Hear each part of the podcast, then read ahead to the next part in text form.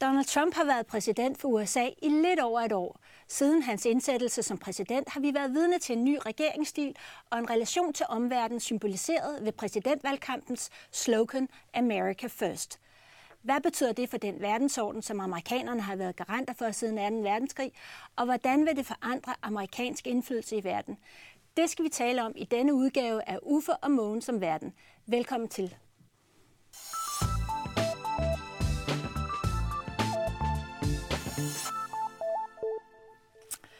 Velkommen Uffe, og velkommen Mogens. Uffe, hvad har USA egentlig betydet for dig i din livstid, altså i det store?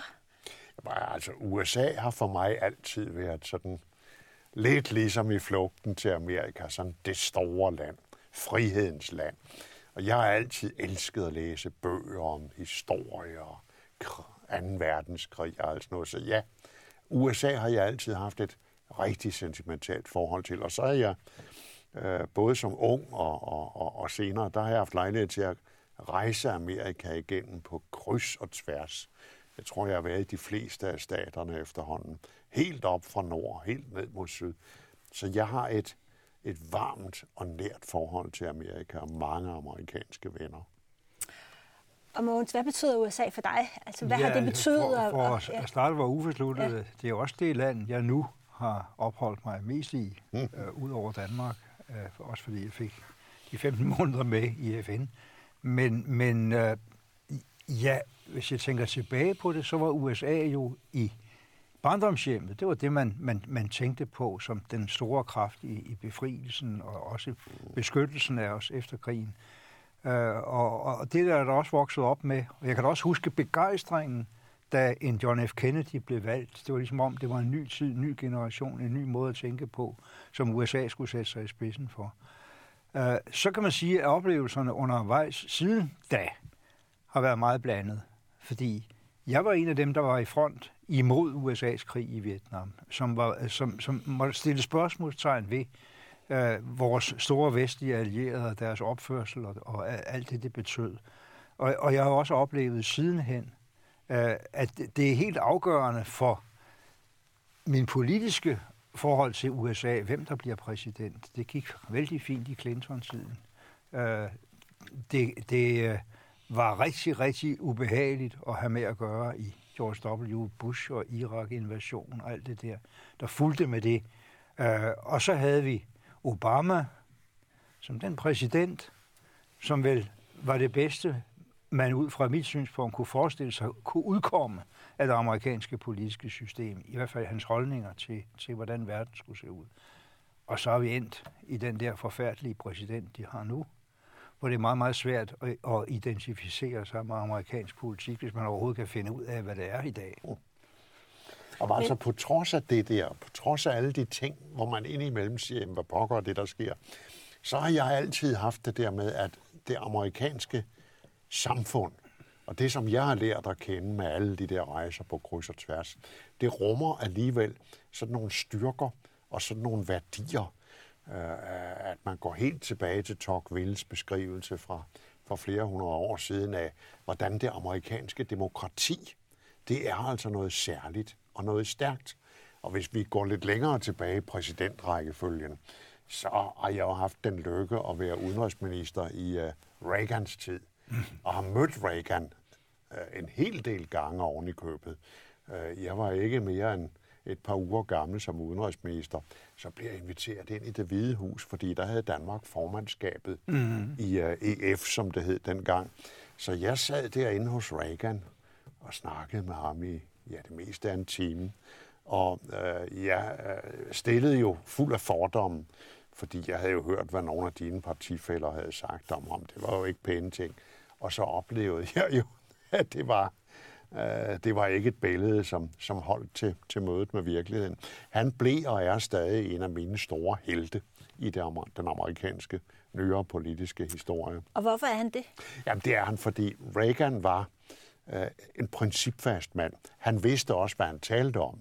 Øh, alt det der med, at øh, han bare læste op af papirerne. Nej, nej. Han vidste, hvad han ville. Han vidste, hvad han gjorde. Og han havde nogle principper. Og så gav han den beskrivelse af Amerika, som altså stadigvæk står inde i, i hovedet på mig. Det var den lille korte afskedstale, øh, som han holdt, da han gik af som præsident. Og I kan finde den på YouTube. Det er, hvor han siger, at øh, ja, jeg har jo tit omtalt Amerika som The Shining City upon a Hill. Og, og, og, og det er et billede, som han havde hentet fra en, en, en af de gamle, øh, hvad var det, de hed? Øh, de første, øh, de første emigranter, der øh, bosatte sig i Amerika, øh, pilgrimene, øh, hvor, hvor Winthrop hed han. Han holdt den der tale om, at vi skal bygge vores øh, regeringssæde på toppen af en høj, så alle kan se den, og det skal være The Shining City upon a Hill. Og så får Reagan til, øh, fordi det skal være det fyrtårn, som er vejledende for alle frihedselskende mennesker over hele verden. Og selvom vi bygger en mur rundt om den by, så skal der være døre i den mur, så alle de mennesker, der søger beskyttelse mod undertrykkelse, de kan komme ind til os. Sikke en forskel fra ham, murbyggeren, der er i dag. Og det, det siger lidt om den der øh, den bløde magt, altså USA's ja. bløde magt, og ønsket om at være også en blød magt, og ikke kun være en hård magt. Men sandelig med øh, en hård magt bagved, altså som ja. en tidligere præsident ja. sagde, speak softly, but carry a big stick. Ja. Men det der billede, vi gerne vil have i USA, er, det krakelerer jo på alle mulige måder. Det er ikke bare uh, Trump, som vi helt sikkert vender tilbage til i den her samtale. Men det er jo, det er jo at det der øh, demokrati, som Tocqueville beskriver, mm. som jo var mangelfuldt allerede dengang. Der var nogle sorte mennesker, der var slaver, og, og ikke var borgere og så videre. Men det er, jo, det er jo degenereret totalt. Det virker jo ikke, det der demokratiske system, og det bliver manipuleret med.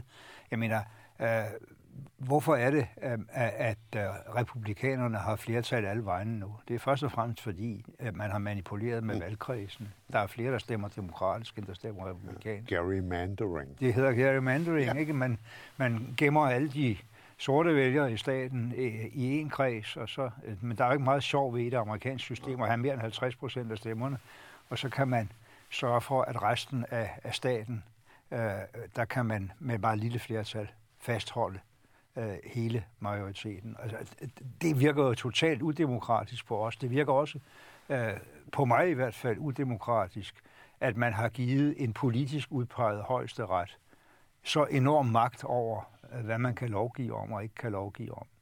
Øh, og, og der ser vi nu konsekvenserne af det andet. Øh, det der med, at man har sat sig på flertallet, selvom man ikke har flertallet af borgerne bag sig. I at den her præsident, som er så skræmmende, kan nu definere, hvordan højesteret ser ud, måske mange årtier frem. Så det amerikanske politiske system er, er, er manipuleret, og det er dysfunktionelt. Altså, de kan jo ikke beslutte noget som helst. Se øh, øh, de her frygtelige ting omkring øh, skyderierne i skoler og andre steder. At, at, at man kan stadigvæk ikke rokke majoriteten i den der kongres væk fra, at, at alle mennesker skal rende rundt med automatgevær. Så altså, det amerikanske system, der er store idealer, Mm. Der er mange gode oplevelser. Jeg har også haft mange gode oplevelser ved at rejse rundt i USA. Mogens. Men det fungerer jo ikke. Du kan sige, hvad du vil. Der er masser af hår i suppen. Ja. Og efterhånden, som vi to er blevet ældre, så er vi blevet rigtig gode til at se. Der er knæme ingen af vores idealer, der står tilbage, sådan fuldstændig skinnende. Jeg vil alligevel påstå, at på godt og ondt, øh, så er det amerikanske system og det amerikanske samfund, det er så mange andre samfundssystemer overlegent. Med de hår, der er i suppen. Så jeg tror stadig på, også at de kan komme igennem den krise, de har bragt sig i ved at vælge ham, den tumpe, der sidder i det hvide hus for øjeblikket. Og ikke desto mindre, så er der jo en... Der har jo været valgt, altså du har selv øh, været i regeringen med, med Paul Nyrup under Clinton, ja. som havde en demokratisk... Øh, så, så det er det lykkedes, at Obama blev valgt i øh, som en del af en demokratisk proces. Så det er jo ikke kun til fordel for et bestemt parti, selvom at lige nu er det republikanerne, der, der har magten? Jeg har haft den der sjove kadence med amerikansk politik, at, at, den dag, jeg blev øh, udenlandske skatteminister i 1981, der blev Reagan indsat som præsident. uh, og, og da jeg kom tilbage som finansminister i 1993, der blev Clinton indsat som præsident. Og, og da jeg overtog udenrigsministerposten i 2000, øh, der, var, der var George W. George w. lige blevet valgt. Ja. Så jeg, jeg har har haft mange forskellige oplevelser, men det er klart, Clinton-perioden, det var også det, der, hvor vi gik og sagde, at det her er jo i hvert fald i forhold til international politik og syn på verden, nok det bedste, der kan udkomme i, i amerikansk politik, det vi har fået her. Og det var vel også, fordi Clinton som demokrat, han brød jo lidt med den der traditionelle demokratiske øh, håndskyhed over for internationalt engagement mm-hmm. Og frihandel og så videre. Og det var jo en af grundene til, at vi godt kunne lide ham. Øh, hvorimod republikanerne, som jeg jo havde mest med at gøre mm. op igennem 80'erne, det var Reagan, og det var Bush den ældre, pragtfuld mand, fluefisker. han, jo, det siger en del. Uh, og og, og uh, det var jo virkelig mennesker, der stod for internationalt engagement. At nogle af dem, den senere Bush, som måske havde lidt overdrevne virken, uh, forestillinger om, hvordan man kunne påtvinge mm. mindre heldigt stillede dele af verden sit eget verdenssyn og sit eget demokratisyn. Det er så en anden sag. Men øh, det, jeg oplevede der, det var jo republikanerne som dem, der stod for internationalt engagement, og hvor de påtog sig nogle forpligtelser, og en gang imellem tog det slæb, der fulgte med at være den frie verdens politibetjent, for nu at bruge det fortæskede, men i virkeligheden ganske korrekte udtryk. Så der er i virkeligheden en rigtig stor forskel på de republikanere, som du mødte i 80'erne, altså Reagan og James Baker og George Schultz og, og, ja. og, og de republikaner, som vi ser i dag. verden til forskel. Ja. En ja. verden Men til det var forskel. også dengang det amerikanske politsystem efter krigen og op til det omkring fungerede. Ja. Man, man, man talte sammen, man kompromissede, man havde konsensus om, om de store internationale spørgsmål i hvert fald. Ja. Nu, nu, er, nu øh, går alt jo ud på at, at skyde den anden part ned. Og det har du set udvikle sig, og du så også, hvordan hadet mod Obama og ja. fremkomsten ja. af Tea Party-bevægelsen hos republikanerne, det begyndte at skille vandene, og det har jo været en forfærdelig udvikling at følge. Og der er det altså, jeg må, holde fast i, klamre mig til i virkeligheden, ja. min grundlæggende tro på sundheden i det amerikanske system.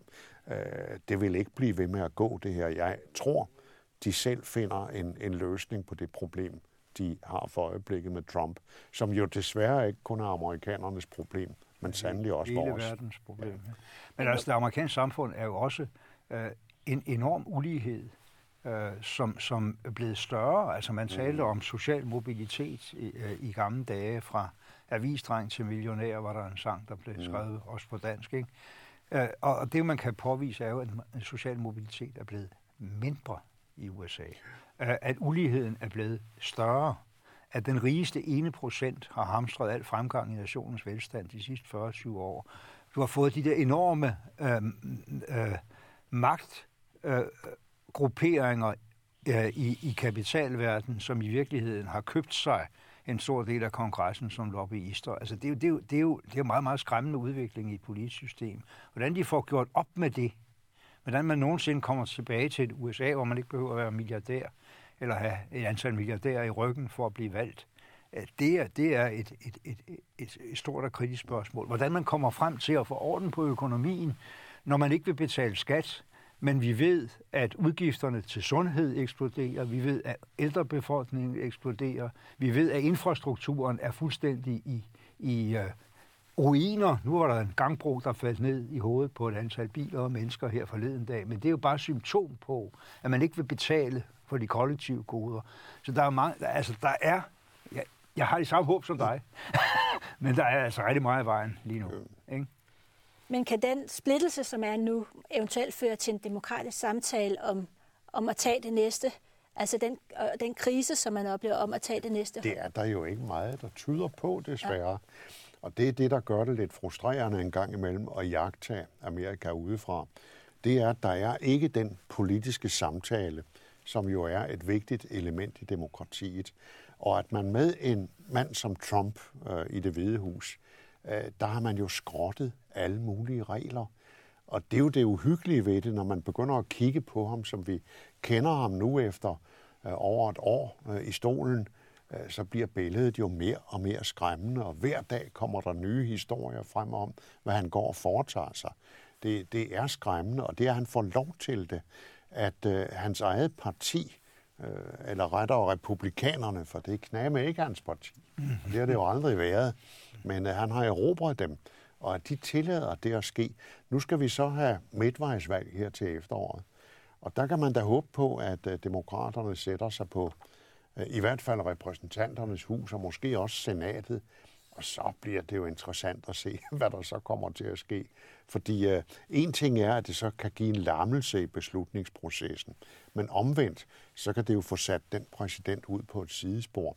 Og så forhåbentlig føre til, at man så i de uh, demokratiske uh, institutioner i kongressen, så sætter sig der og finder ud af, hvad der så skal gøres. Der er jo et, et, et, et uh, suppleringsvalg i Pennsylvania mm. her for ganske få dage siden, uh, som en demokratisk kandidat, sådan midter, nærmest lidt højreorienteret, men, men i midten af systemet, vandt med meget, meget få stemmer. Men det var meget markant, fordi den kreds vandt Trump med 20 procents overvægt for, for de der 15-16 måneder siden. Så der er, der, er, uh, der er en bevægelse, der kan føre til det, du siger. Men der er jo også, vi ser jo også på, på andre strækninger, hvordan Trump i virkeligheden kan gå hen og blive uh, katalysator for en god udvikling. Hvordan andre kræfter mobiliserer netop på grund af ham. Vi ser det på, på miljøsag, klimasag osv. Vi ser det på en lang række områder. Og, og så så vi det valgresultat, som var opmuntrende. Ja, det er jo sådan lige før Kalifornien er ved at melde sig ud som, ja, ja, ja, ja. som en selvstændig stat, ja, ja. fordi de har sagt, at det er ikke vores præsident. og så er de jo ved på miljøområdet og vil føre deres egen politik. Ja, ja. Kalifornien fylder trods alt en del i det samlede billede. Men hvad betyder så øh, altså det, at de har så mange indrigspolitiske problemer for deres evne til at føre udenrigspolitik og have uh. skal man sige, leverage og have indflydelse rent udenrigspolitisk? Jo, altså, Amerika har jo efter den kolde krigs ophør suverænt været den frie verdens leder. Og øh, hele det sæt af aftaler og regler, der var, det havde amerikanerne jo i høj grad været med til at skabe. Og der var dels de økonomiske regler, altså frihandelsregler, øh, verdenshandelsorganisationen, alt det, der lå der, som var ved at blive udbygget på forskellig vis. Og så var der sikkerhedsarrangementer, der var NATO, øh, der var hele det europæiske sæt af regler, våbenkontrol, alt det der. Og sjovt nok, vi skal også lige huske på, at øh, vores europæiske samarbejde, mm. EU og europæisk integration, det er jo et resultat af, hvad amerikanerne stillede som betingelse for os efter 2. verdenskrig. Hvis I vil have Marshallhjælp, mm. jamen så skal I finde ud af at samarbejde, i stedet for at ligge og konkurrere hinanden ihjel. Og det er jo alle de ting, som Trump kommer til nu og siger, det kan vi ikke bruge til noget. NATO, det er en forældet organisation. EU, det er noget, der bare er lavet for at genere os amerikanere. Handelsaftaler, væk med det. USA's øh, rolle i verden, nej, ikke tale om. Han smider det hele på porten, og så står der jo andre parat til at rykke ind. Det er der altid, når der opstår sådan et vakuum i international politik. Der er nogen på vej til at rykke ind. Først og fremmest ham, der nu ser ud til at blive livstidskejser i Kina, ja. Øh, præsident Xi, men sandelig også øh, en mand som Putin med hans elendige økonomi og, og, og stærkt mangelfulde demokratiske system. Han står også parat til at rykke ind de steder, hvor der pludselig bliver mulighed for at øve indflydelse. Det er skidt for Europa, og det er skidt for små lande som Danmark, der på den måde risikerer at komme i en klemme, vi ikke var i, dengang vi kunne regne med Amerika som det er, frie verdensleder. Det er skidt for USA selv. Det er altså, det også. Fordi det der med at rykke ind, du siger med Kina, det er jo ikke bare, at de får større magt i verden, når USA ikke vil holde sammen på det. Men det er jo også, at de vil jo tage uh, de nye produktioner, der skal til for at løse klimagåder og så videre. Uh, uh, og de sidder der og griner af ham, når han siger, at det vil vi ikke være med til, fordi det kan ikke betale sig. Hvor jeg tror, en stor del af hans erhvervsvenner vil sige til ham, jo, det kunne rigtig godt betale sig, hvis vi var, hvis vi var med fremme i, i hele den der udvikling, øh, også beskæftigelsesmæssigt her i USA. Men det, som er så forfærdeligt ved Trump, det er jo, det der nulsoms øh, billede af verden, han render rundt med. Han tror, at, at, at det, der er godt for Amerika, nødvendigvis skal være dårligere for os eller for nogle andre ude i verden. Al historisk erfaring, hvis han havde sådan noget, han havde samlet op, vil jo sige, at alt det USA har gjort, for sig selv og verden, fordi der var en identitet mellem det, der var USA's interesse, og det, der var den vestlige verdens interesse. Det har USA også tjent penge på. Det kan da godt være, at vi bruger færre penge på rustning end amerikanerne. Det gør vi da vidderligt, også i andel af vores velstand. Men, men, men den våbenindustri, de har udviklet for at, at løfte den her rolle, har jo også været en hoveddriver i deres økonomiske, teknologiske, beskæftigelsesmæssige udvikling. Så det er jo ikke, det er jo ikke noget nulsomspil heller. Altså hele hans forståelse af verden er rystende farlig og forkert. Og er det det, der, altså America First, ja. er, er det så indbegrebet af America First? Altså hvad, hvordan skal man definere det i virkeligheden? Altså det, der det er jo hans udenrigspolitiske America doktrin. First, jamen det ligger jo i os alle sammen og sige, ja. ja, først kommer mit eget land, ja. og så ja, ja. hvis endelig vi skal ofre noget på en større sags alter, så må der være en eller anden meget god forklaring på det. Men altså hans primitive version af America First, det er jo noget, du skal flere hundrede år tilbage i den økonomiske historie for at finde magen til. Ja. Det er jo den merkantilisme, som man kan. 14, ja. du skal helt tilbage til Colbert og merkantilismen. Og så fik du Adam Smith, og så langsomt begyndte det at gå op for folk, at øh, det der med at have fri handel, øh, det gør jo altså, at dem, der er mest øh, egnet til at lave dit og dat, de, de deles om opgaverne, og det bliver alle rigere på. Og det har ham ejendomsspekulanten fra New York jo altså ikke fattet. Han har bare set, at øh, hvis man kan fedte nogle regninger af på nogle andre, så bliver man rig på det. Det er sådan, han har lavet sin formue, ikke sandt? og, og, og det er hans verdensbillede, som han nu prøver at forstørre globalt. Og så er der ikke noget at sige til, at USA's allierede i Asien for eksempel, hvor Obama jo var begyndt sådan at lægge øget vægt på Asien, fordi han kunne se, at der skulle ske et eller andet over for det Kina, der fyldte mere og mere, og som forskrækkede sine naboer. Jamen, der er de jo begyndt at pakke tingene sammen og sige, okay, vi må vist hellere lave nogle aftaler med kineserne, fordi vi er ved at blive klemt her. Øh, og det er en meget farlig udvikling. Og i Europa, jamen altså de ting, han har sagt om NATO nu, modsiger han jo sig selv ustandsligt. Men han har altså fået sagt nogle ting om NATO, som gør, at europæerne med god grund er ganske bekymrede og siger, jamen, øh, hvad, hvad skal vi egentlig tro på? Kan vi regne med ham? Og endnu værre, en type som Putin, der sidder og fisker i rørt vande og ser, hvor kan jeg banke kiler ind? Hvor kan jeg underminere de andre, så deres øh, tro på eget system svækkes? Jamen, han spiller jo på den boldbane. Så Jamen, det er meget farligt. Trump har jo den der uh, helt åbenbare fascination af, af enehersker og mm. autoritære ja. systemer. Ja. Altså, hans, hans fascination af Putin kan jo heller ikke rigtig snakke sig væk fra, selvom USA stadigvæk bygger nye sanktioner op og, og, og sådan officielt reagerer på det, Rusland gør, så, så er det åbenbart, at Putin fascinerer ham, at Xi Jinping fascinerer ham, at Erdogan uh, fascinerer ham, uh, at du, du Duterte ude i, i, i Filippinerne, ja. som er ved at slå 10.000 vis af mennesker ihjel i en eller anden såkaldt narkokrig. Han er også meget fascinerende. Men vi har jo set modellen for, hvordan man får Trump til pludselig at sådan falde lidt ned og slappe af, ikke sandt? Jamen, det er jo at smire ham ud over alle grænser. Store parader. Ja, ja. Det var jo det, Macron i Frankrig havde fundet ud af. Ja, ja, ja, ja. Han så ham med til den der 14. Uh, øh, Bastiljedagsparaden på Champs-Élysées. Og Trump blev helt vidt og kom hjem og sagde, sådan en parade skal vi også have. Ikke sandt? Så, og det at smire ham, og, og se også, hvordan det eneste sådan rigtig store udlandsbesøg, han har lavet, bortset fra nogle konferencer, hister her, så lige det lille besøg i Frankrig, det var Saudi-Arabien, ja, ja. hvor de jo overøste ham med gaver og smiger. Ja. Og, og det er jo lidt uhyggeligt, uh, det der med, at, at vejen til mandens opmærksomhed, det er ved hjælp af smiger. Og absolut ikke modsigelse. Og absolut ikke Fordi det, alle de der, der er røget ud, det halve af dem er røget ud, fordi de overhovedet har sagt, om ikke man kunne tænke anderledes end ham. Ja, ja for nylig, der blev øh, udenrigsministeren, øh, Rex Tillerson, øh, fyret ja. på Twitter. Ja, ja, øh, ja. ja. Meget, øh, meget ny form. Og, og, og hvordan vurderer du ham? Altså, vi var alle sammen meget skeptiske over for Rex Tillerson, da han kom til. Ja. Øh, det kan man fortsat også godt være. Altså, ja. Der er ikke noget, der tyder på, at Tillerson overhovedet øh, var lige så øh, tilnærmelsesvis så meget på hjemmebane, når han skulle lede Udenrigsministeriet, som da han ledede no. ESO.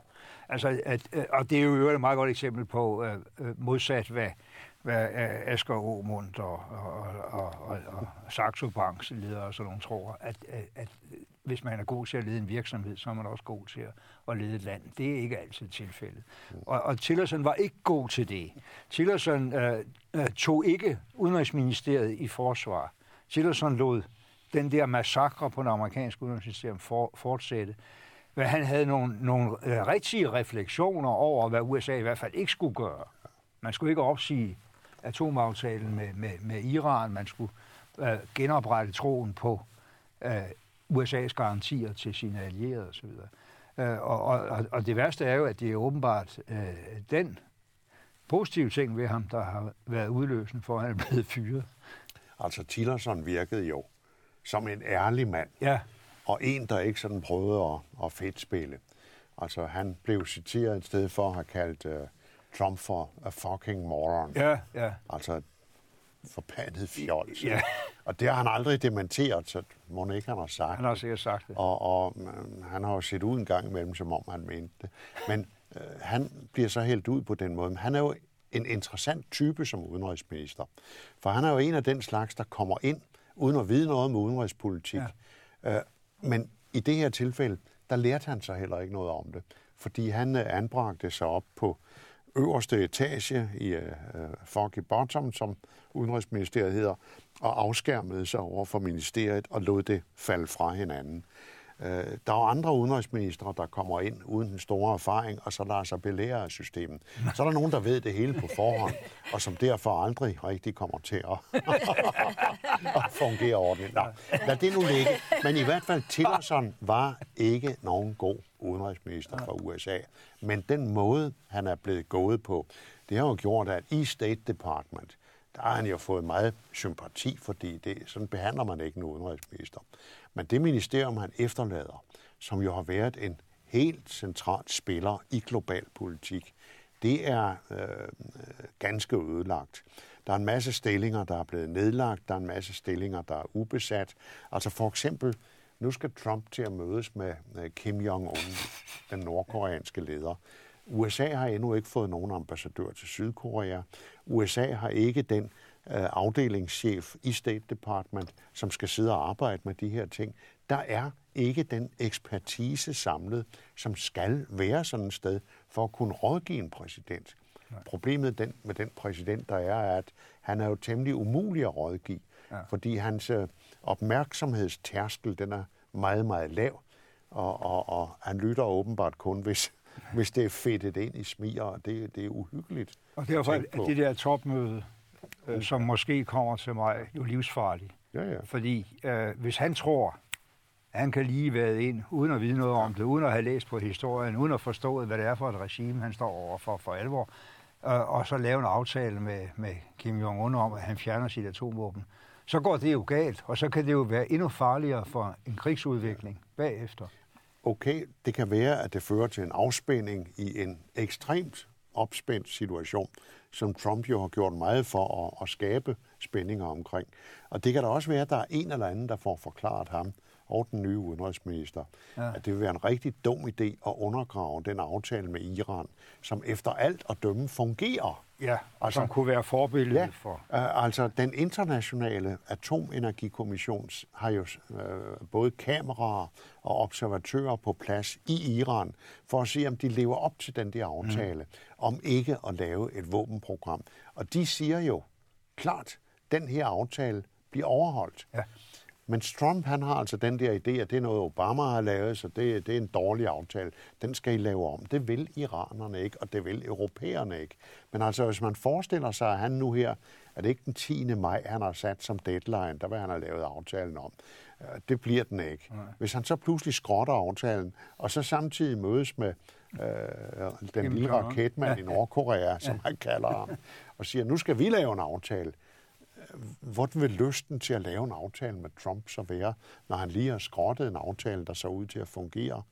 Altså, øh, det at han øh, mangler det apparat, der skal rådgive ham og vide, hvad der sker, kende korten og kende historien, øh, det gør det meget betænkeligt. Men det er jo monumental uvidenhed, mm. manglende vilje til at overvinde den ja. uvidenhed, meget stor fordomsfuldhed og et øh, øh, utåligt skiftende temperament, ja. øh, som, som gør, at man, man er meget, meget bange. Hvis vi tager Iran, lige øh, vender den der. Jeg, jeg havde den observation fra et besøg i Iran, som hedder konference her i januar, at øh, det, der er problemet med amerikanerne og iranerne, det er, at deres, øh, øh, og udbredet hos Trump, at deres historiehukommelse er ekstremt selektiv begge steder. Iranerne husker først og fremmest tilbage til 1953, mm. da amerikanerne ved et kup overfældede øh, den daværende eneste demokratiske regering, de har haft i Iran. Øh, øh, amerikan, øh, øh, det husker iranerne. Amerikanerne husker kun den der frygtelige ambassadebesættelse. Og det definerer øh, i forhold til øh, en region, hvor der skulle være balance i behandlingen af Saudi-Arabien og Iran, hvis man ville have øh, øh, chance for fred på et eller andet tidspunkt.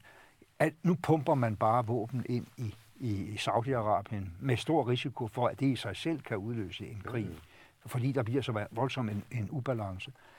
Det minder mig om, for lige at vende tilbage til, til det der med, med Udenrigsministeriet, der er affolket. Vi var en delegation fra Udenrigspolitisk Nævn, som var i Washington så sent som i oktober, slutningen af oktober. Vi kom ind i, i et State Department, altså Udenrigsministeriet, hvor der ikke, netop ikke var, og vi stadigvæk ikke er, de overordnede politiske chefer udnævnt. Vi talte med nogle rigtig dygtige mennesker, øh, som, som var på kontorchefniveau. De vidste ikke, hvad politikken var. Vi kom over i Pentagon, som blev ledes af general Mattis, som måske den eneste rigtig voksne i den administration lige nu, og fik den besked, at general Mattis var meget, meget usålmodig med at få bemandet Udenrigsministeriet, fordi han var så bekymret over, at han kunne blive nødt til at bruge det her meget, meget dyre militære apparat, han har, netop fordi der ikke var nogen, der tog sig af at forebygge konflikter i den administration. Det er meget, meget interessant. At den stærkeste fortaler for at genopbygge et udenrigsministerium i Washington, det er forsvarsministeren, ja, ja. som siger, men altså, hvis ikke I gør det der, så ved vi jo ikke, hvordan verden ser ud. Så Men det er jo måske... generalerne i USA, ja. der i dag er vores ja. største håb om, ja. at der ikke er noget, der udløser et militært ja. eventyr. Ja. Ja. Ja. Men det er også paradoxalt. Altså, jeg mener, at øh, forsvarsbudgetterne er også steget i, ja, ja. under Trump, hvorimod Altså ja, ja. netop øh, diplomatiet er blevet skåret ned. Ja, ja. Voldsomt ned. Ja. Endnu, endnu mere end det, man vil gøre ved Danmark. Ja. Ja. Ja, ja, ja. ja. Ja, og, og, og, og det er jo en lille bitte brik i forhold til de der mange hundrede milliarder, man bruger på forsvar. Altså, der, der er slet ikke noget... Men det er, fordi for... han har set så galt på dem, ligesom han nu har set så galt på forbundspolitiet, FBI. Ja. Han ser så galt på nogen, der, der ikke uden videre har talt ham efter munden, og så skal de bare beskæres. Ja. Og der har han jo uhyggeligt store muligheder, specielt når der ikke er noget ordentligt modspil fra republikanerne i kongressen. Og for at tage den samme problemstilling ud i verden, altså FN's familiebegrænsningsprogram, oh, ja. abort osv., ja. er slået i stykker af Trumps fordomme.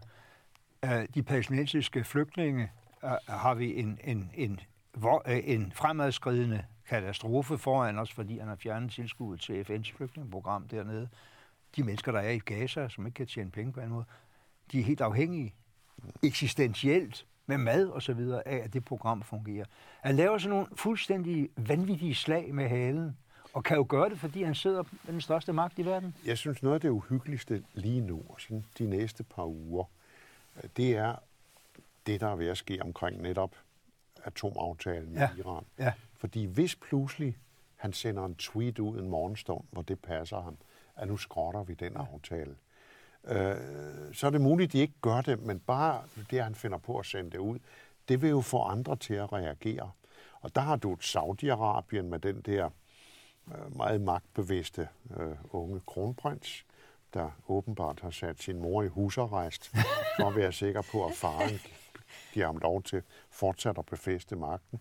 Så kan man forestille sig, at Saudi-Arabien vil begynde at udvikle atomvåben. Mm. Ægypten, mm. andre i regionen, så kan sådan noget pludselig begynde at, at sprede sig.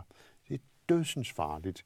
Og, og mm, der er det jo vigtigt at have diplomatiet på plads og have forståelse for, hvad det er for aftaler, man skal passe på at hæve om. Ja, og, og hvordan altså, tyder det på, at Trump han øh, overholder sin aftale? Han havde for nylig et møde med Justin Trudeau, Oh, for eksempel. Ja. ja. jamen altså, hør nu her. Ja. Hvordan skal vi nu sige det her diplomatisk? Altså, det at sige, at han lyver hele tiden, jamen det at lyve, det, det, det forudsætter jo en bevidst handling. Ja. Uh, vi ved jo ikke, om det altid er bevidst, eller om han bare ikke ved, hvad han taler om. Men uh, der blev lavet en interessant opgørelse i Washington Post, at i det første år, hvor han sad i sin stol, der fyrede han seks usandheder af i gennemsnit per dag. Og det er jo altså lige fra de helt store, øh, fuldstændig gakkede løgnehistorier, ja. som der var flere til, tilhører eller tilskuere til min indsættelse end til Obamas. Så kigger man på billederne, øh, hvad du siger, kammerat. Altså han minder lidt om, kan I huske, Sally Knud Christensen, øh, statsminister i Danmark lige efter krigen, der sagde, hvis det er fakta, så Men benægter ikke, der er fakta. fakta. Trump han opfinder så sine egne fakta, ja. Og man har indtryk af, en gang imellem, så tror han på dem. Jamen det gør der er jo ingen, der tør stole på, hvad han siger. Og det han lavede med Trudeau, han havde møde med den kanadiske øh, statsminister, og så siger statsministeren, ja, altså, vi, vi har jo ikke noget, I har jo ikke noget handelsunderskud i forhold til Kanada. Jo, det har vi, sagde Trump. Hej, hej. Jo, jo, den er du helt galt på, sagde Trump. Så for et par dage siden, der pralede han ved sådan en fundraising-dinner, hvor der ikke var journalister til stede. Der pralede han med, at øh, han havde ikke anet, hvordan det forholdt sig. Det har han bare fyret af på Trudeau, Ja, ja. fordi det passede i situationen. Han pralede med det. Ja, ja. Øh, og, og, og så slap der altså, historien slap ud, og, og kørte jo siden sin sejrsgang i amerikansk presse, som endnu et eksempel på, at manden fyrer ting af, som indimellem er fri fantasi, for nu at sige det meget pænt. Jamen, de- siger jo også, at han først og fremmest sidder og kigger på Fox News, og Ja. så får han sådan en ekokammer på, på det, ja. han selv mener. Så Hvordan- fat i Twitter. Ja. Ja. Hvor- Hvordan dealer man med sådan en? Hvis du var, øh, var udenrigsminister, hvordan vil du dele med en, øh, en, en person, som du ikke kunne vide dig sikker på øh, nogensinde fortalt dig sandhed, og du heller ikke kunne stole på? Jamen, det, det er jo ikke muligt sådan konsekvent. Øh, jeg, tror, øh, nu øh, ikke nogen stor beundrer af vores egen statsminister, men han havde faktisk et godt håndtag på, på, på, på Trump, da han var over første gang. Fordi jeg, jeg tror faktisk, at Lars Løkke gik bare ind og sagde, i øvrigt synes jeg, det er en fuldstændig vanvittig idé at afskaffe den der klimaaftale, som verden lige er blevet enige om. Og så gav han et lige så hårdt håndtryk som den anden, og så gik han ud igen, og så forklarede han, hvad han havde sagt til ham. Og, men det er det, man Ja. kan. Og så prøve at opsøge nogle voksne i Ja. selskabet Ja. og sige, hør nu her, er I klar over, hvad, hvad manden derinde i det ovale værelse er ved at styre ind i? Hvis der er nogle voksne, fordi sådan som han fyrer folk til højre og venstre og ansætter nye, så er det jo svært at vide efterhånden, hvordan den administration er sat sammen. Og øh, ham, som han så er ansat til at være ny stabschef i det hvide hus, general Kelly, ja, han ser ud til at have også begge hænder, ja, han muligvis, Ja. og han har begge hænder fulde med at prøve at holde Trumps familie, især ham svigersønnen, væk fra uh, alt for ømtålige uh, sikkerheds, uh, clear, se, sikkerhedsbelagte oplysninger, uh, som han kan bruge i sit arbejde for at dække underskud i sin private forretning. Altså, øh, det er jo situationen for øjeblikket. Man, man tror, det er løgn, når man sidder og læser de historier, der kører om, hvad der foregår. Ja, og- Mattis og McMaster, altså der, Sikkerhedspolitiske rådgiver, ja. ja, ja. Jamen, det er jo det der med generalerne som det betryggende element, som Uffe også ja. nævnte, som, som vi alle sammen ser, at, at, at, at det eneste, der har reddet de værste katastrofer indtil nu, har man sådan en fornemmelse af, det er hans umådelige fascination af 3-4-5 stjernede generaler. Øh, og, og, og, og, og, og Mattis virker som den, der aldrig er citeret for noget forkert, prøver at holde ud, prøver at holde styr på det mest magtfulde og mest farlige del af apparatet. Ja. Øh, Mark Master kan jo godt risikere at blive udskiftet, også forstår jeg. Han er heller ikke i kridthuset længere. Og, og der, der siger man så navn som John Bolton, som jo øh, er øh, med rette er blevet karakteriseret som krigsmager. Ja, han var gammel FN-ambassadør Ja. blev lynhurtigt fjernet Ja. ja. derfra. Mm, ja. Så det kan, det kan gå endnu værre. Så vi har altså en situation, hvor vi, vi har også en ny øh, udenrigsminister. Øh, på, Ja. på, og hvem er han? Altså, Pompeo, Mike Pompeo. Pompeo. Ja. Han har en uh, meget fin baggrund. Han har en meget fin uh, uddannelse fra Harvard. Så er han uddannet på West Point. Han var nummer et i klassen, altså uh, officersakademiet nummer et i klassen, har gjort tjeneste som officer. Han har arbejdet som jurist. Og så var han uh, kongresmedlem øh, og, og arbejdede med øh, øh de komiteer, der havde med sikkerhed, efterretningstjeneste og så videre at gøre. Så han har en fin baggrund, men øh, han har jo været en af dem, der, der talte Trump efter munden og, og, og skubbede på ham øh, blandt andet de spørgsmål om, om øh, Iran-aftalen. Så hvordan han vil agere, når han pludselig sætter sig i udenrigsministerstolen, det er jo ikke til at vide. Men øh, han har i hvert fald en masse indhold i sig, som øh, hvis, hvis de kan få ham i tale derovre i Udenrigsministeriet, så kan der måske komme noget godt ud af det. Men øh, han bliver mødt med nogle udfordringer, det må man sige. Ja, også hans kolleger i Europa for eksempel kan få ham i tale, for det bliver jo helt afgørende for Iran-forløbet, om, om, om det bliver klart i Washington, hvor dyb en kløft det vil blive mellem Washington og Europa, ja. hvis man springer den der aftale i luften, som jo ikke bare er en aftale mellem USA og Iran, men hvor de store magter i Europa, hvor EU, hvor Kina og Rusland er med bag. Og derfor det vil jo forpeste alle former for internationale relationer og risikere det rustningskapløb, du, du nævnte. Hvor jeg tænkte på, ja, der er jo også tyrkerne. Erdogan vil sikkert også gerne have en atombombe, Oh ja. ikke? Så vi, vi går faktisk altså med, det, med, med, med den her udvikling, med, hvor Amerika tidligere var garant for en eller anden form for sikkerhed, så at det her det kan være med til at eskalere usikkerheden. Amerika er jo stadig garanten for Europas sikkerhed. Ja. Så øh, jeg, jeg vil sige, at vi skal gøre alt, hvad vi overhovedet kan, for at holde fast i alle de positive kræfter i USA. Øh, Og indimellem måske lade som om, vi ikke læser de tweets, han sender ud. Og lade som om, han ikke siger, hvad han siger. Det er måske i virkeligheden den største tjeneste, vi kan gøre os selv og amerikanerne. Men så i øvrigt også øh, indrette os efter, at der vil blive krævet noget mere af europæerne selv, når det gælder om at, at varetage europæisk sikkerhed. Og det er jo derfor, det haster med at få indrettet sig rundt omkring på, at man skal bidrage noget mere i Europa til egen sikkerhed. Ikke fordi man skal opgive Amerika, men fordi øh, man altså må se i øjnene, at øh, vi har ikke den samme, de samme øh, nalfaste garantier, som vi havde tidligere. Men altså, øh, forholdet til Rusland har jo også præget, øh, skal man sige, hele Trumps øh, regeringsperiode. Øh, så hvordan, altså, det vil sige, det er jo der, hvor vi har en stor interesse i et samarbejde, et fortsat samarbejde med, med, med, med USA i virkeligheden. Det må man sige. Øhm, hvordan øh, har, altså oplever I det? Jeg, jeg oplevede sådan, at russerne de jublede, da Trump kom. Mm. Ja, men øh, siden har der jo været øh, altså udstedt mange sanktioner for kongressen siden hen. Og, Nå, jamen læg mærke til, at Trump selv, han har jo aldrig udtalt sig kritisk om Putin. Nej. Og øh, han fik jo nærmest armene vredet rundt, før han gik ud og måtte indrømme, at nå ja, Måske har de blandet sig. måske har de blandet sig i alligevel i valgkampen, selvom alle hans egne efterretningstjenester enstemmigt sagde, ja, det har de, og beviserne tårner sig jo op. Det vil han ikke rigtig sige noget om. Og da den her sag opstod omkring øh, forsøget på at lave giftattentat i øh, Sydengland, der havde han jo også meget svært ved at få sagt noget kritisk der. Kom om sider ud med lidt. Altså, det er svært ikke at sidde tilbage med en fornemmelse af, at Putin har et eller andet på ham.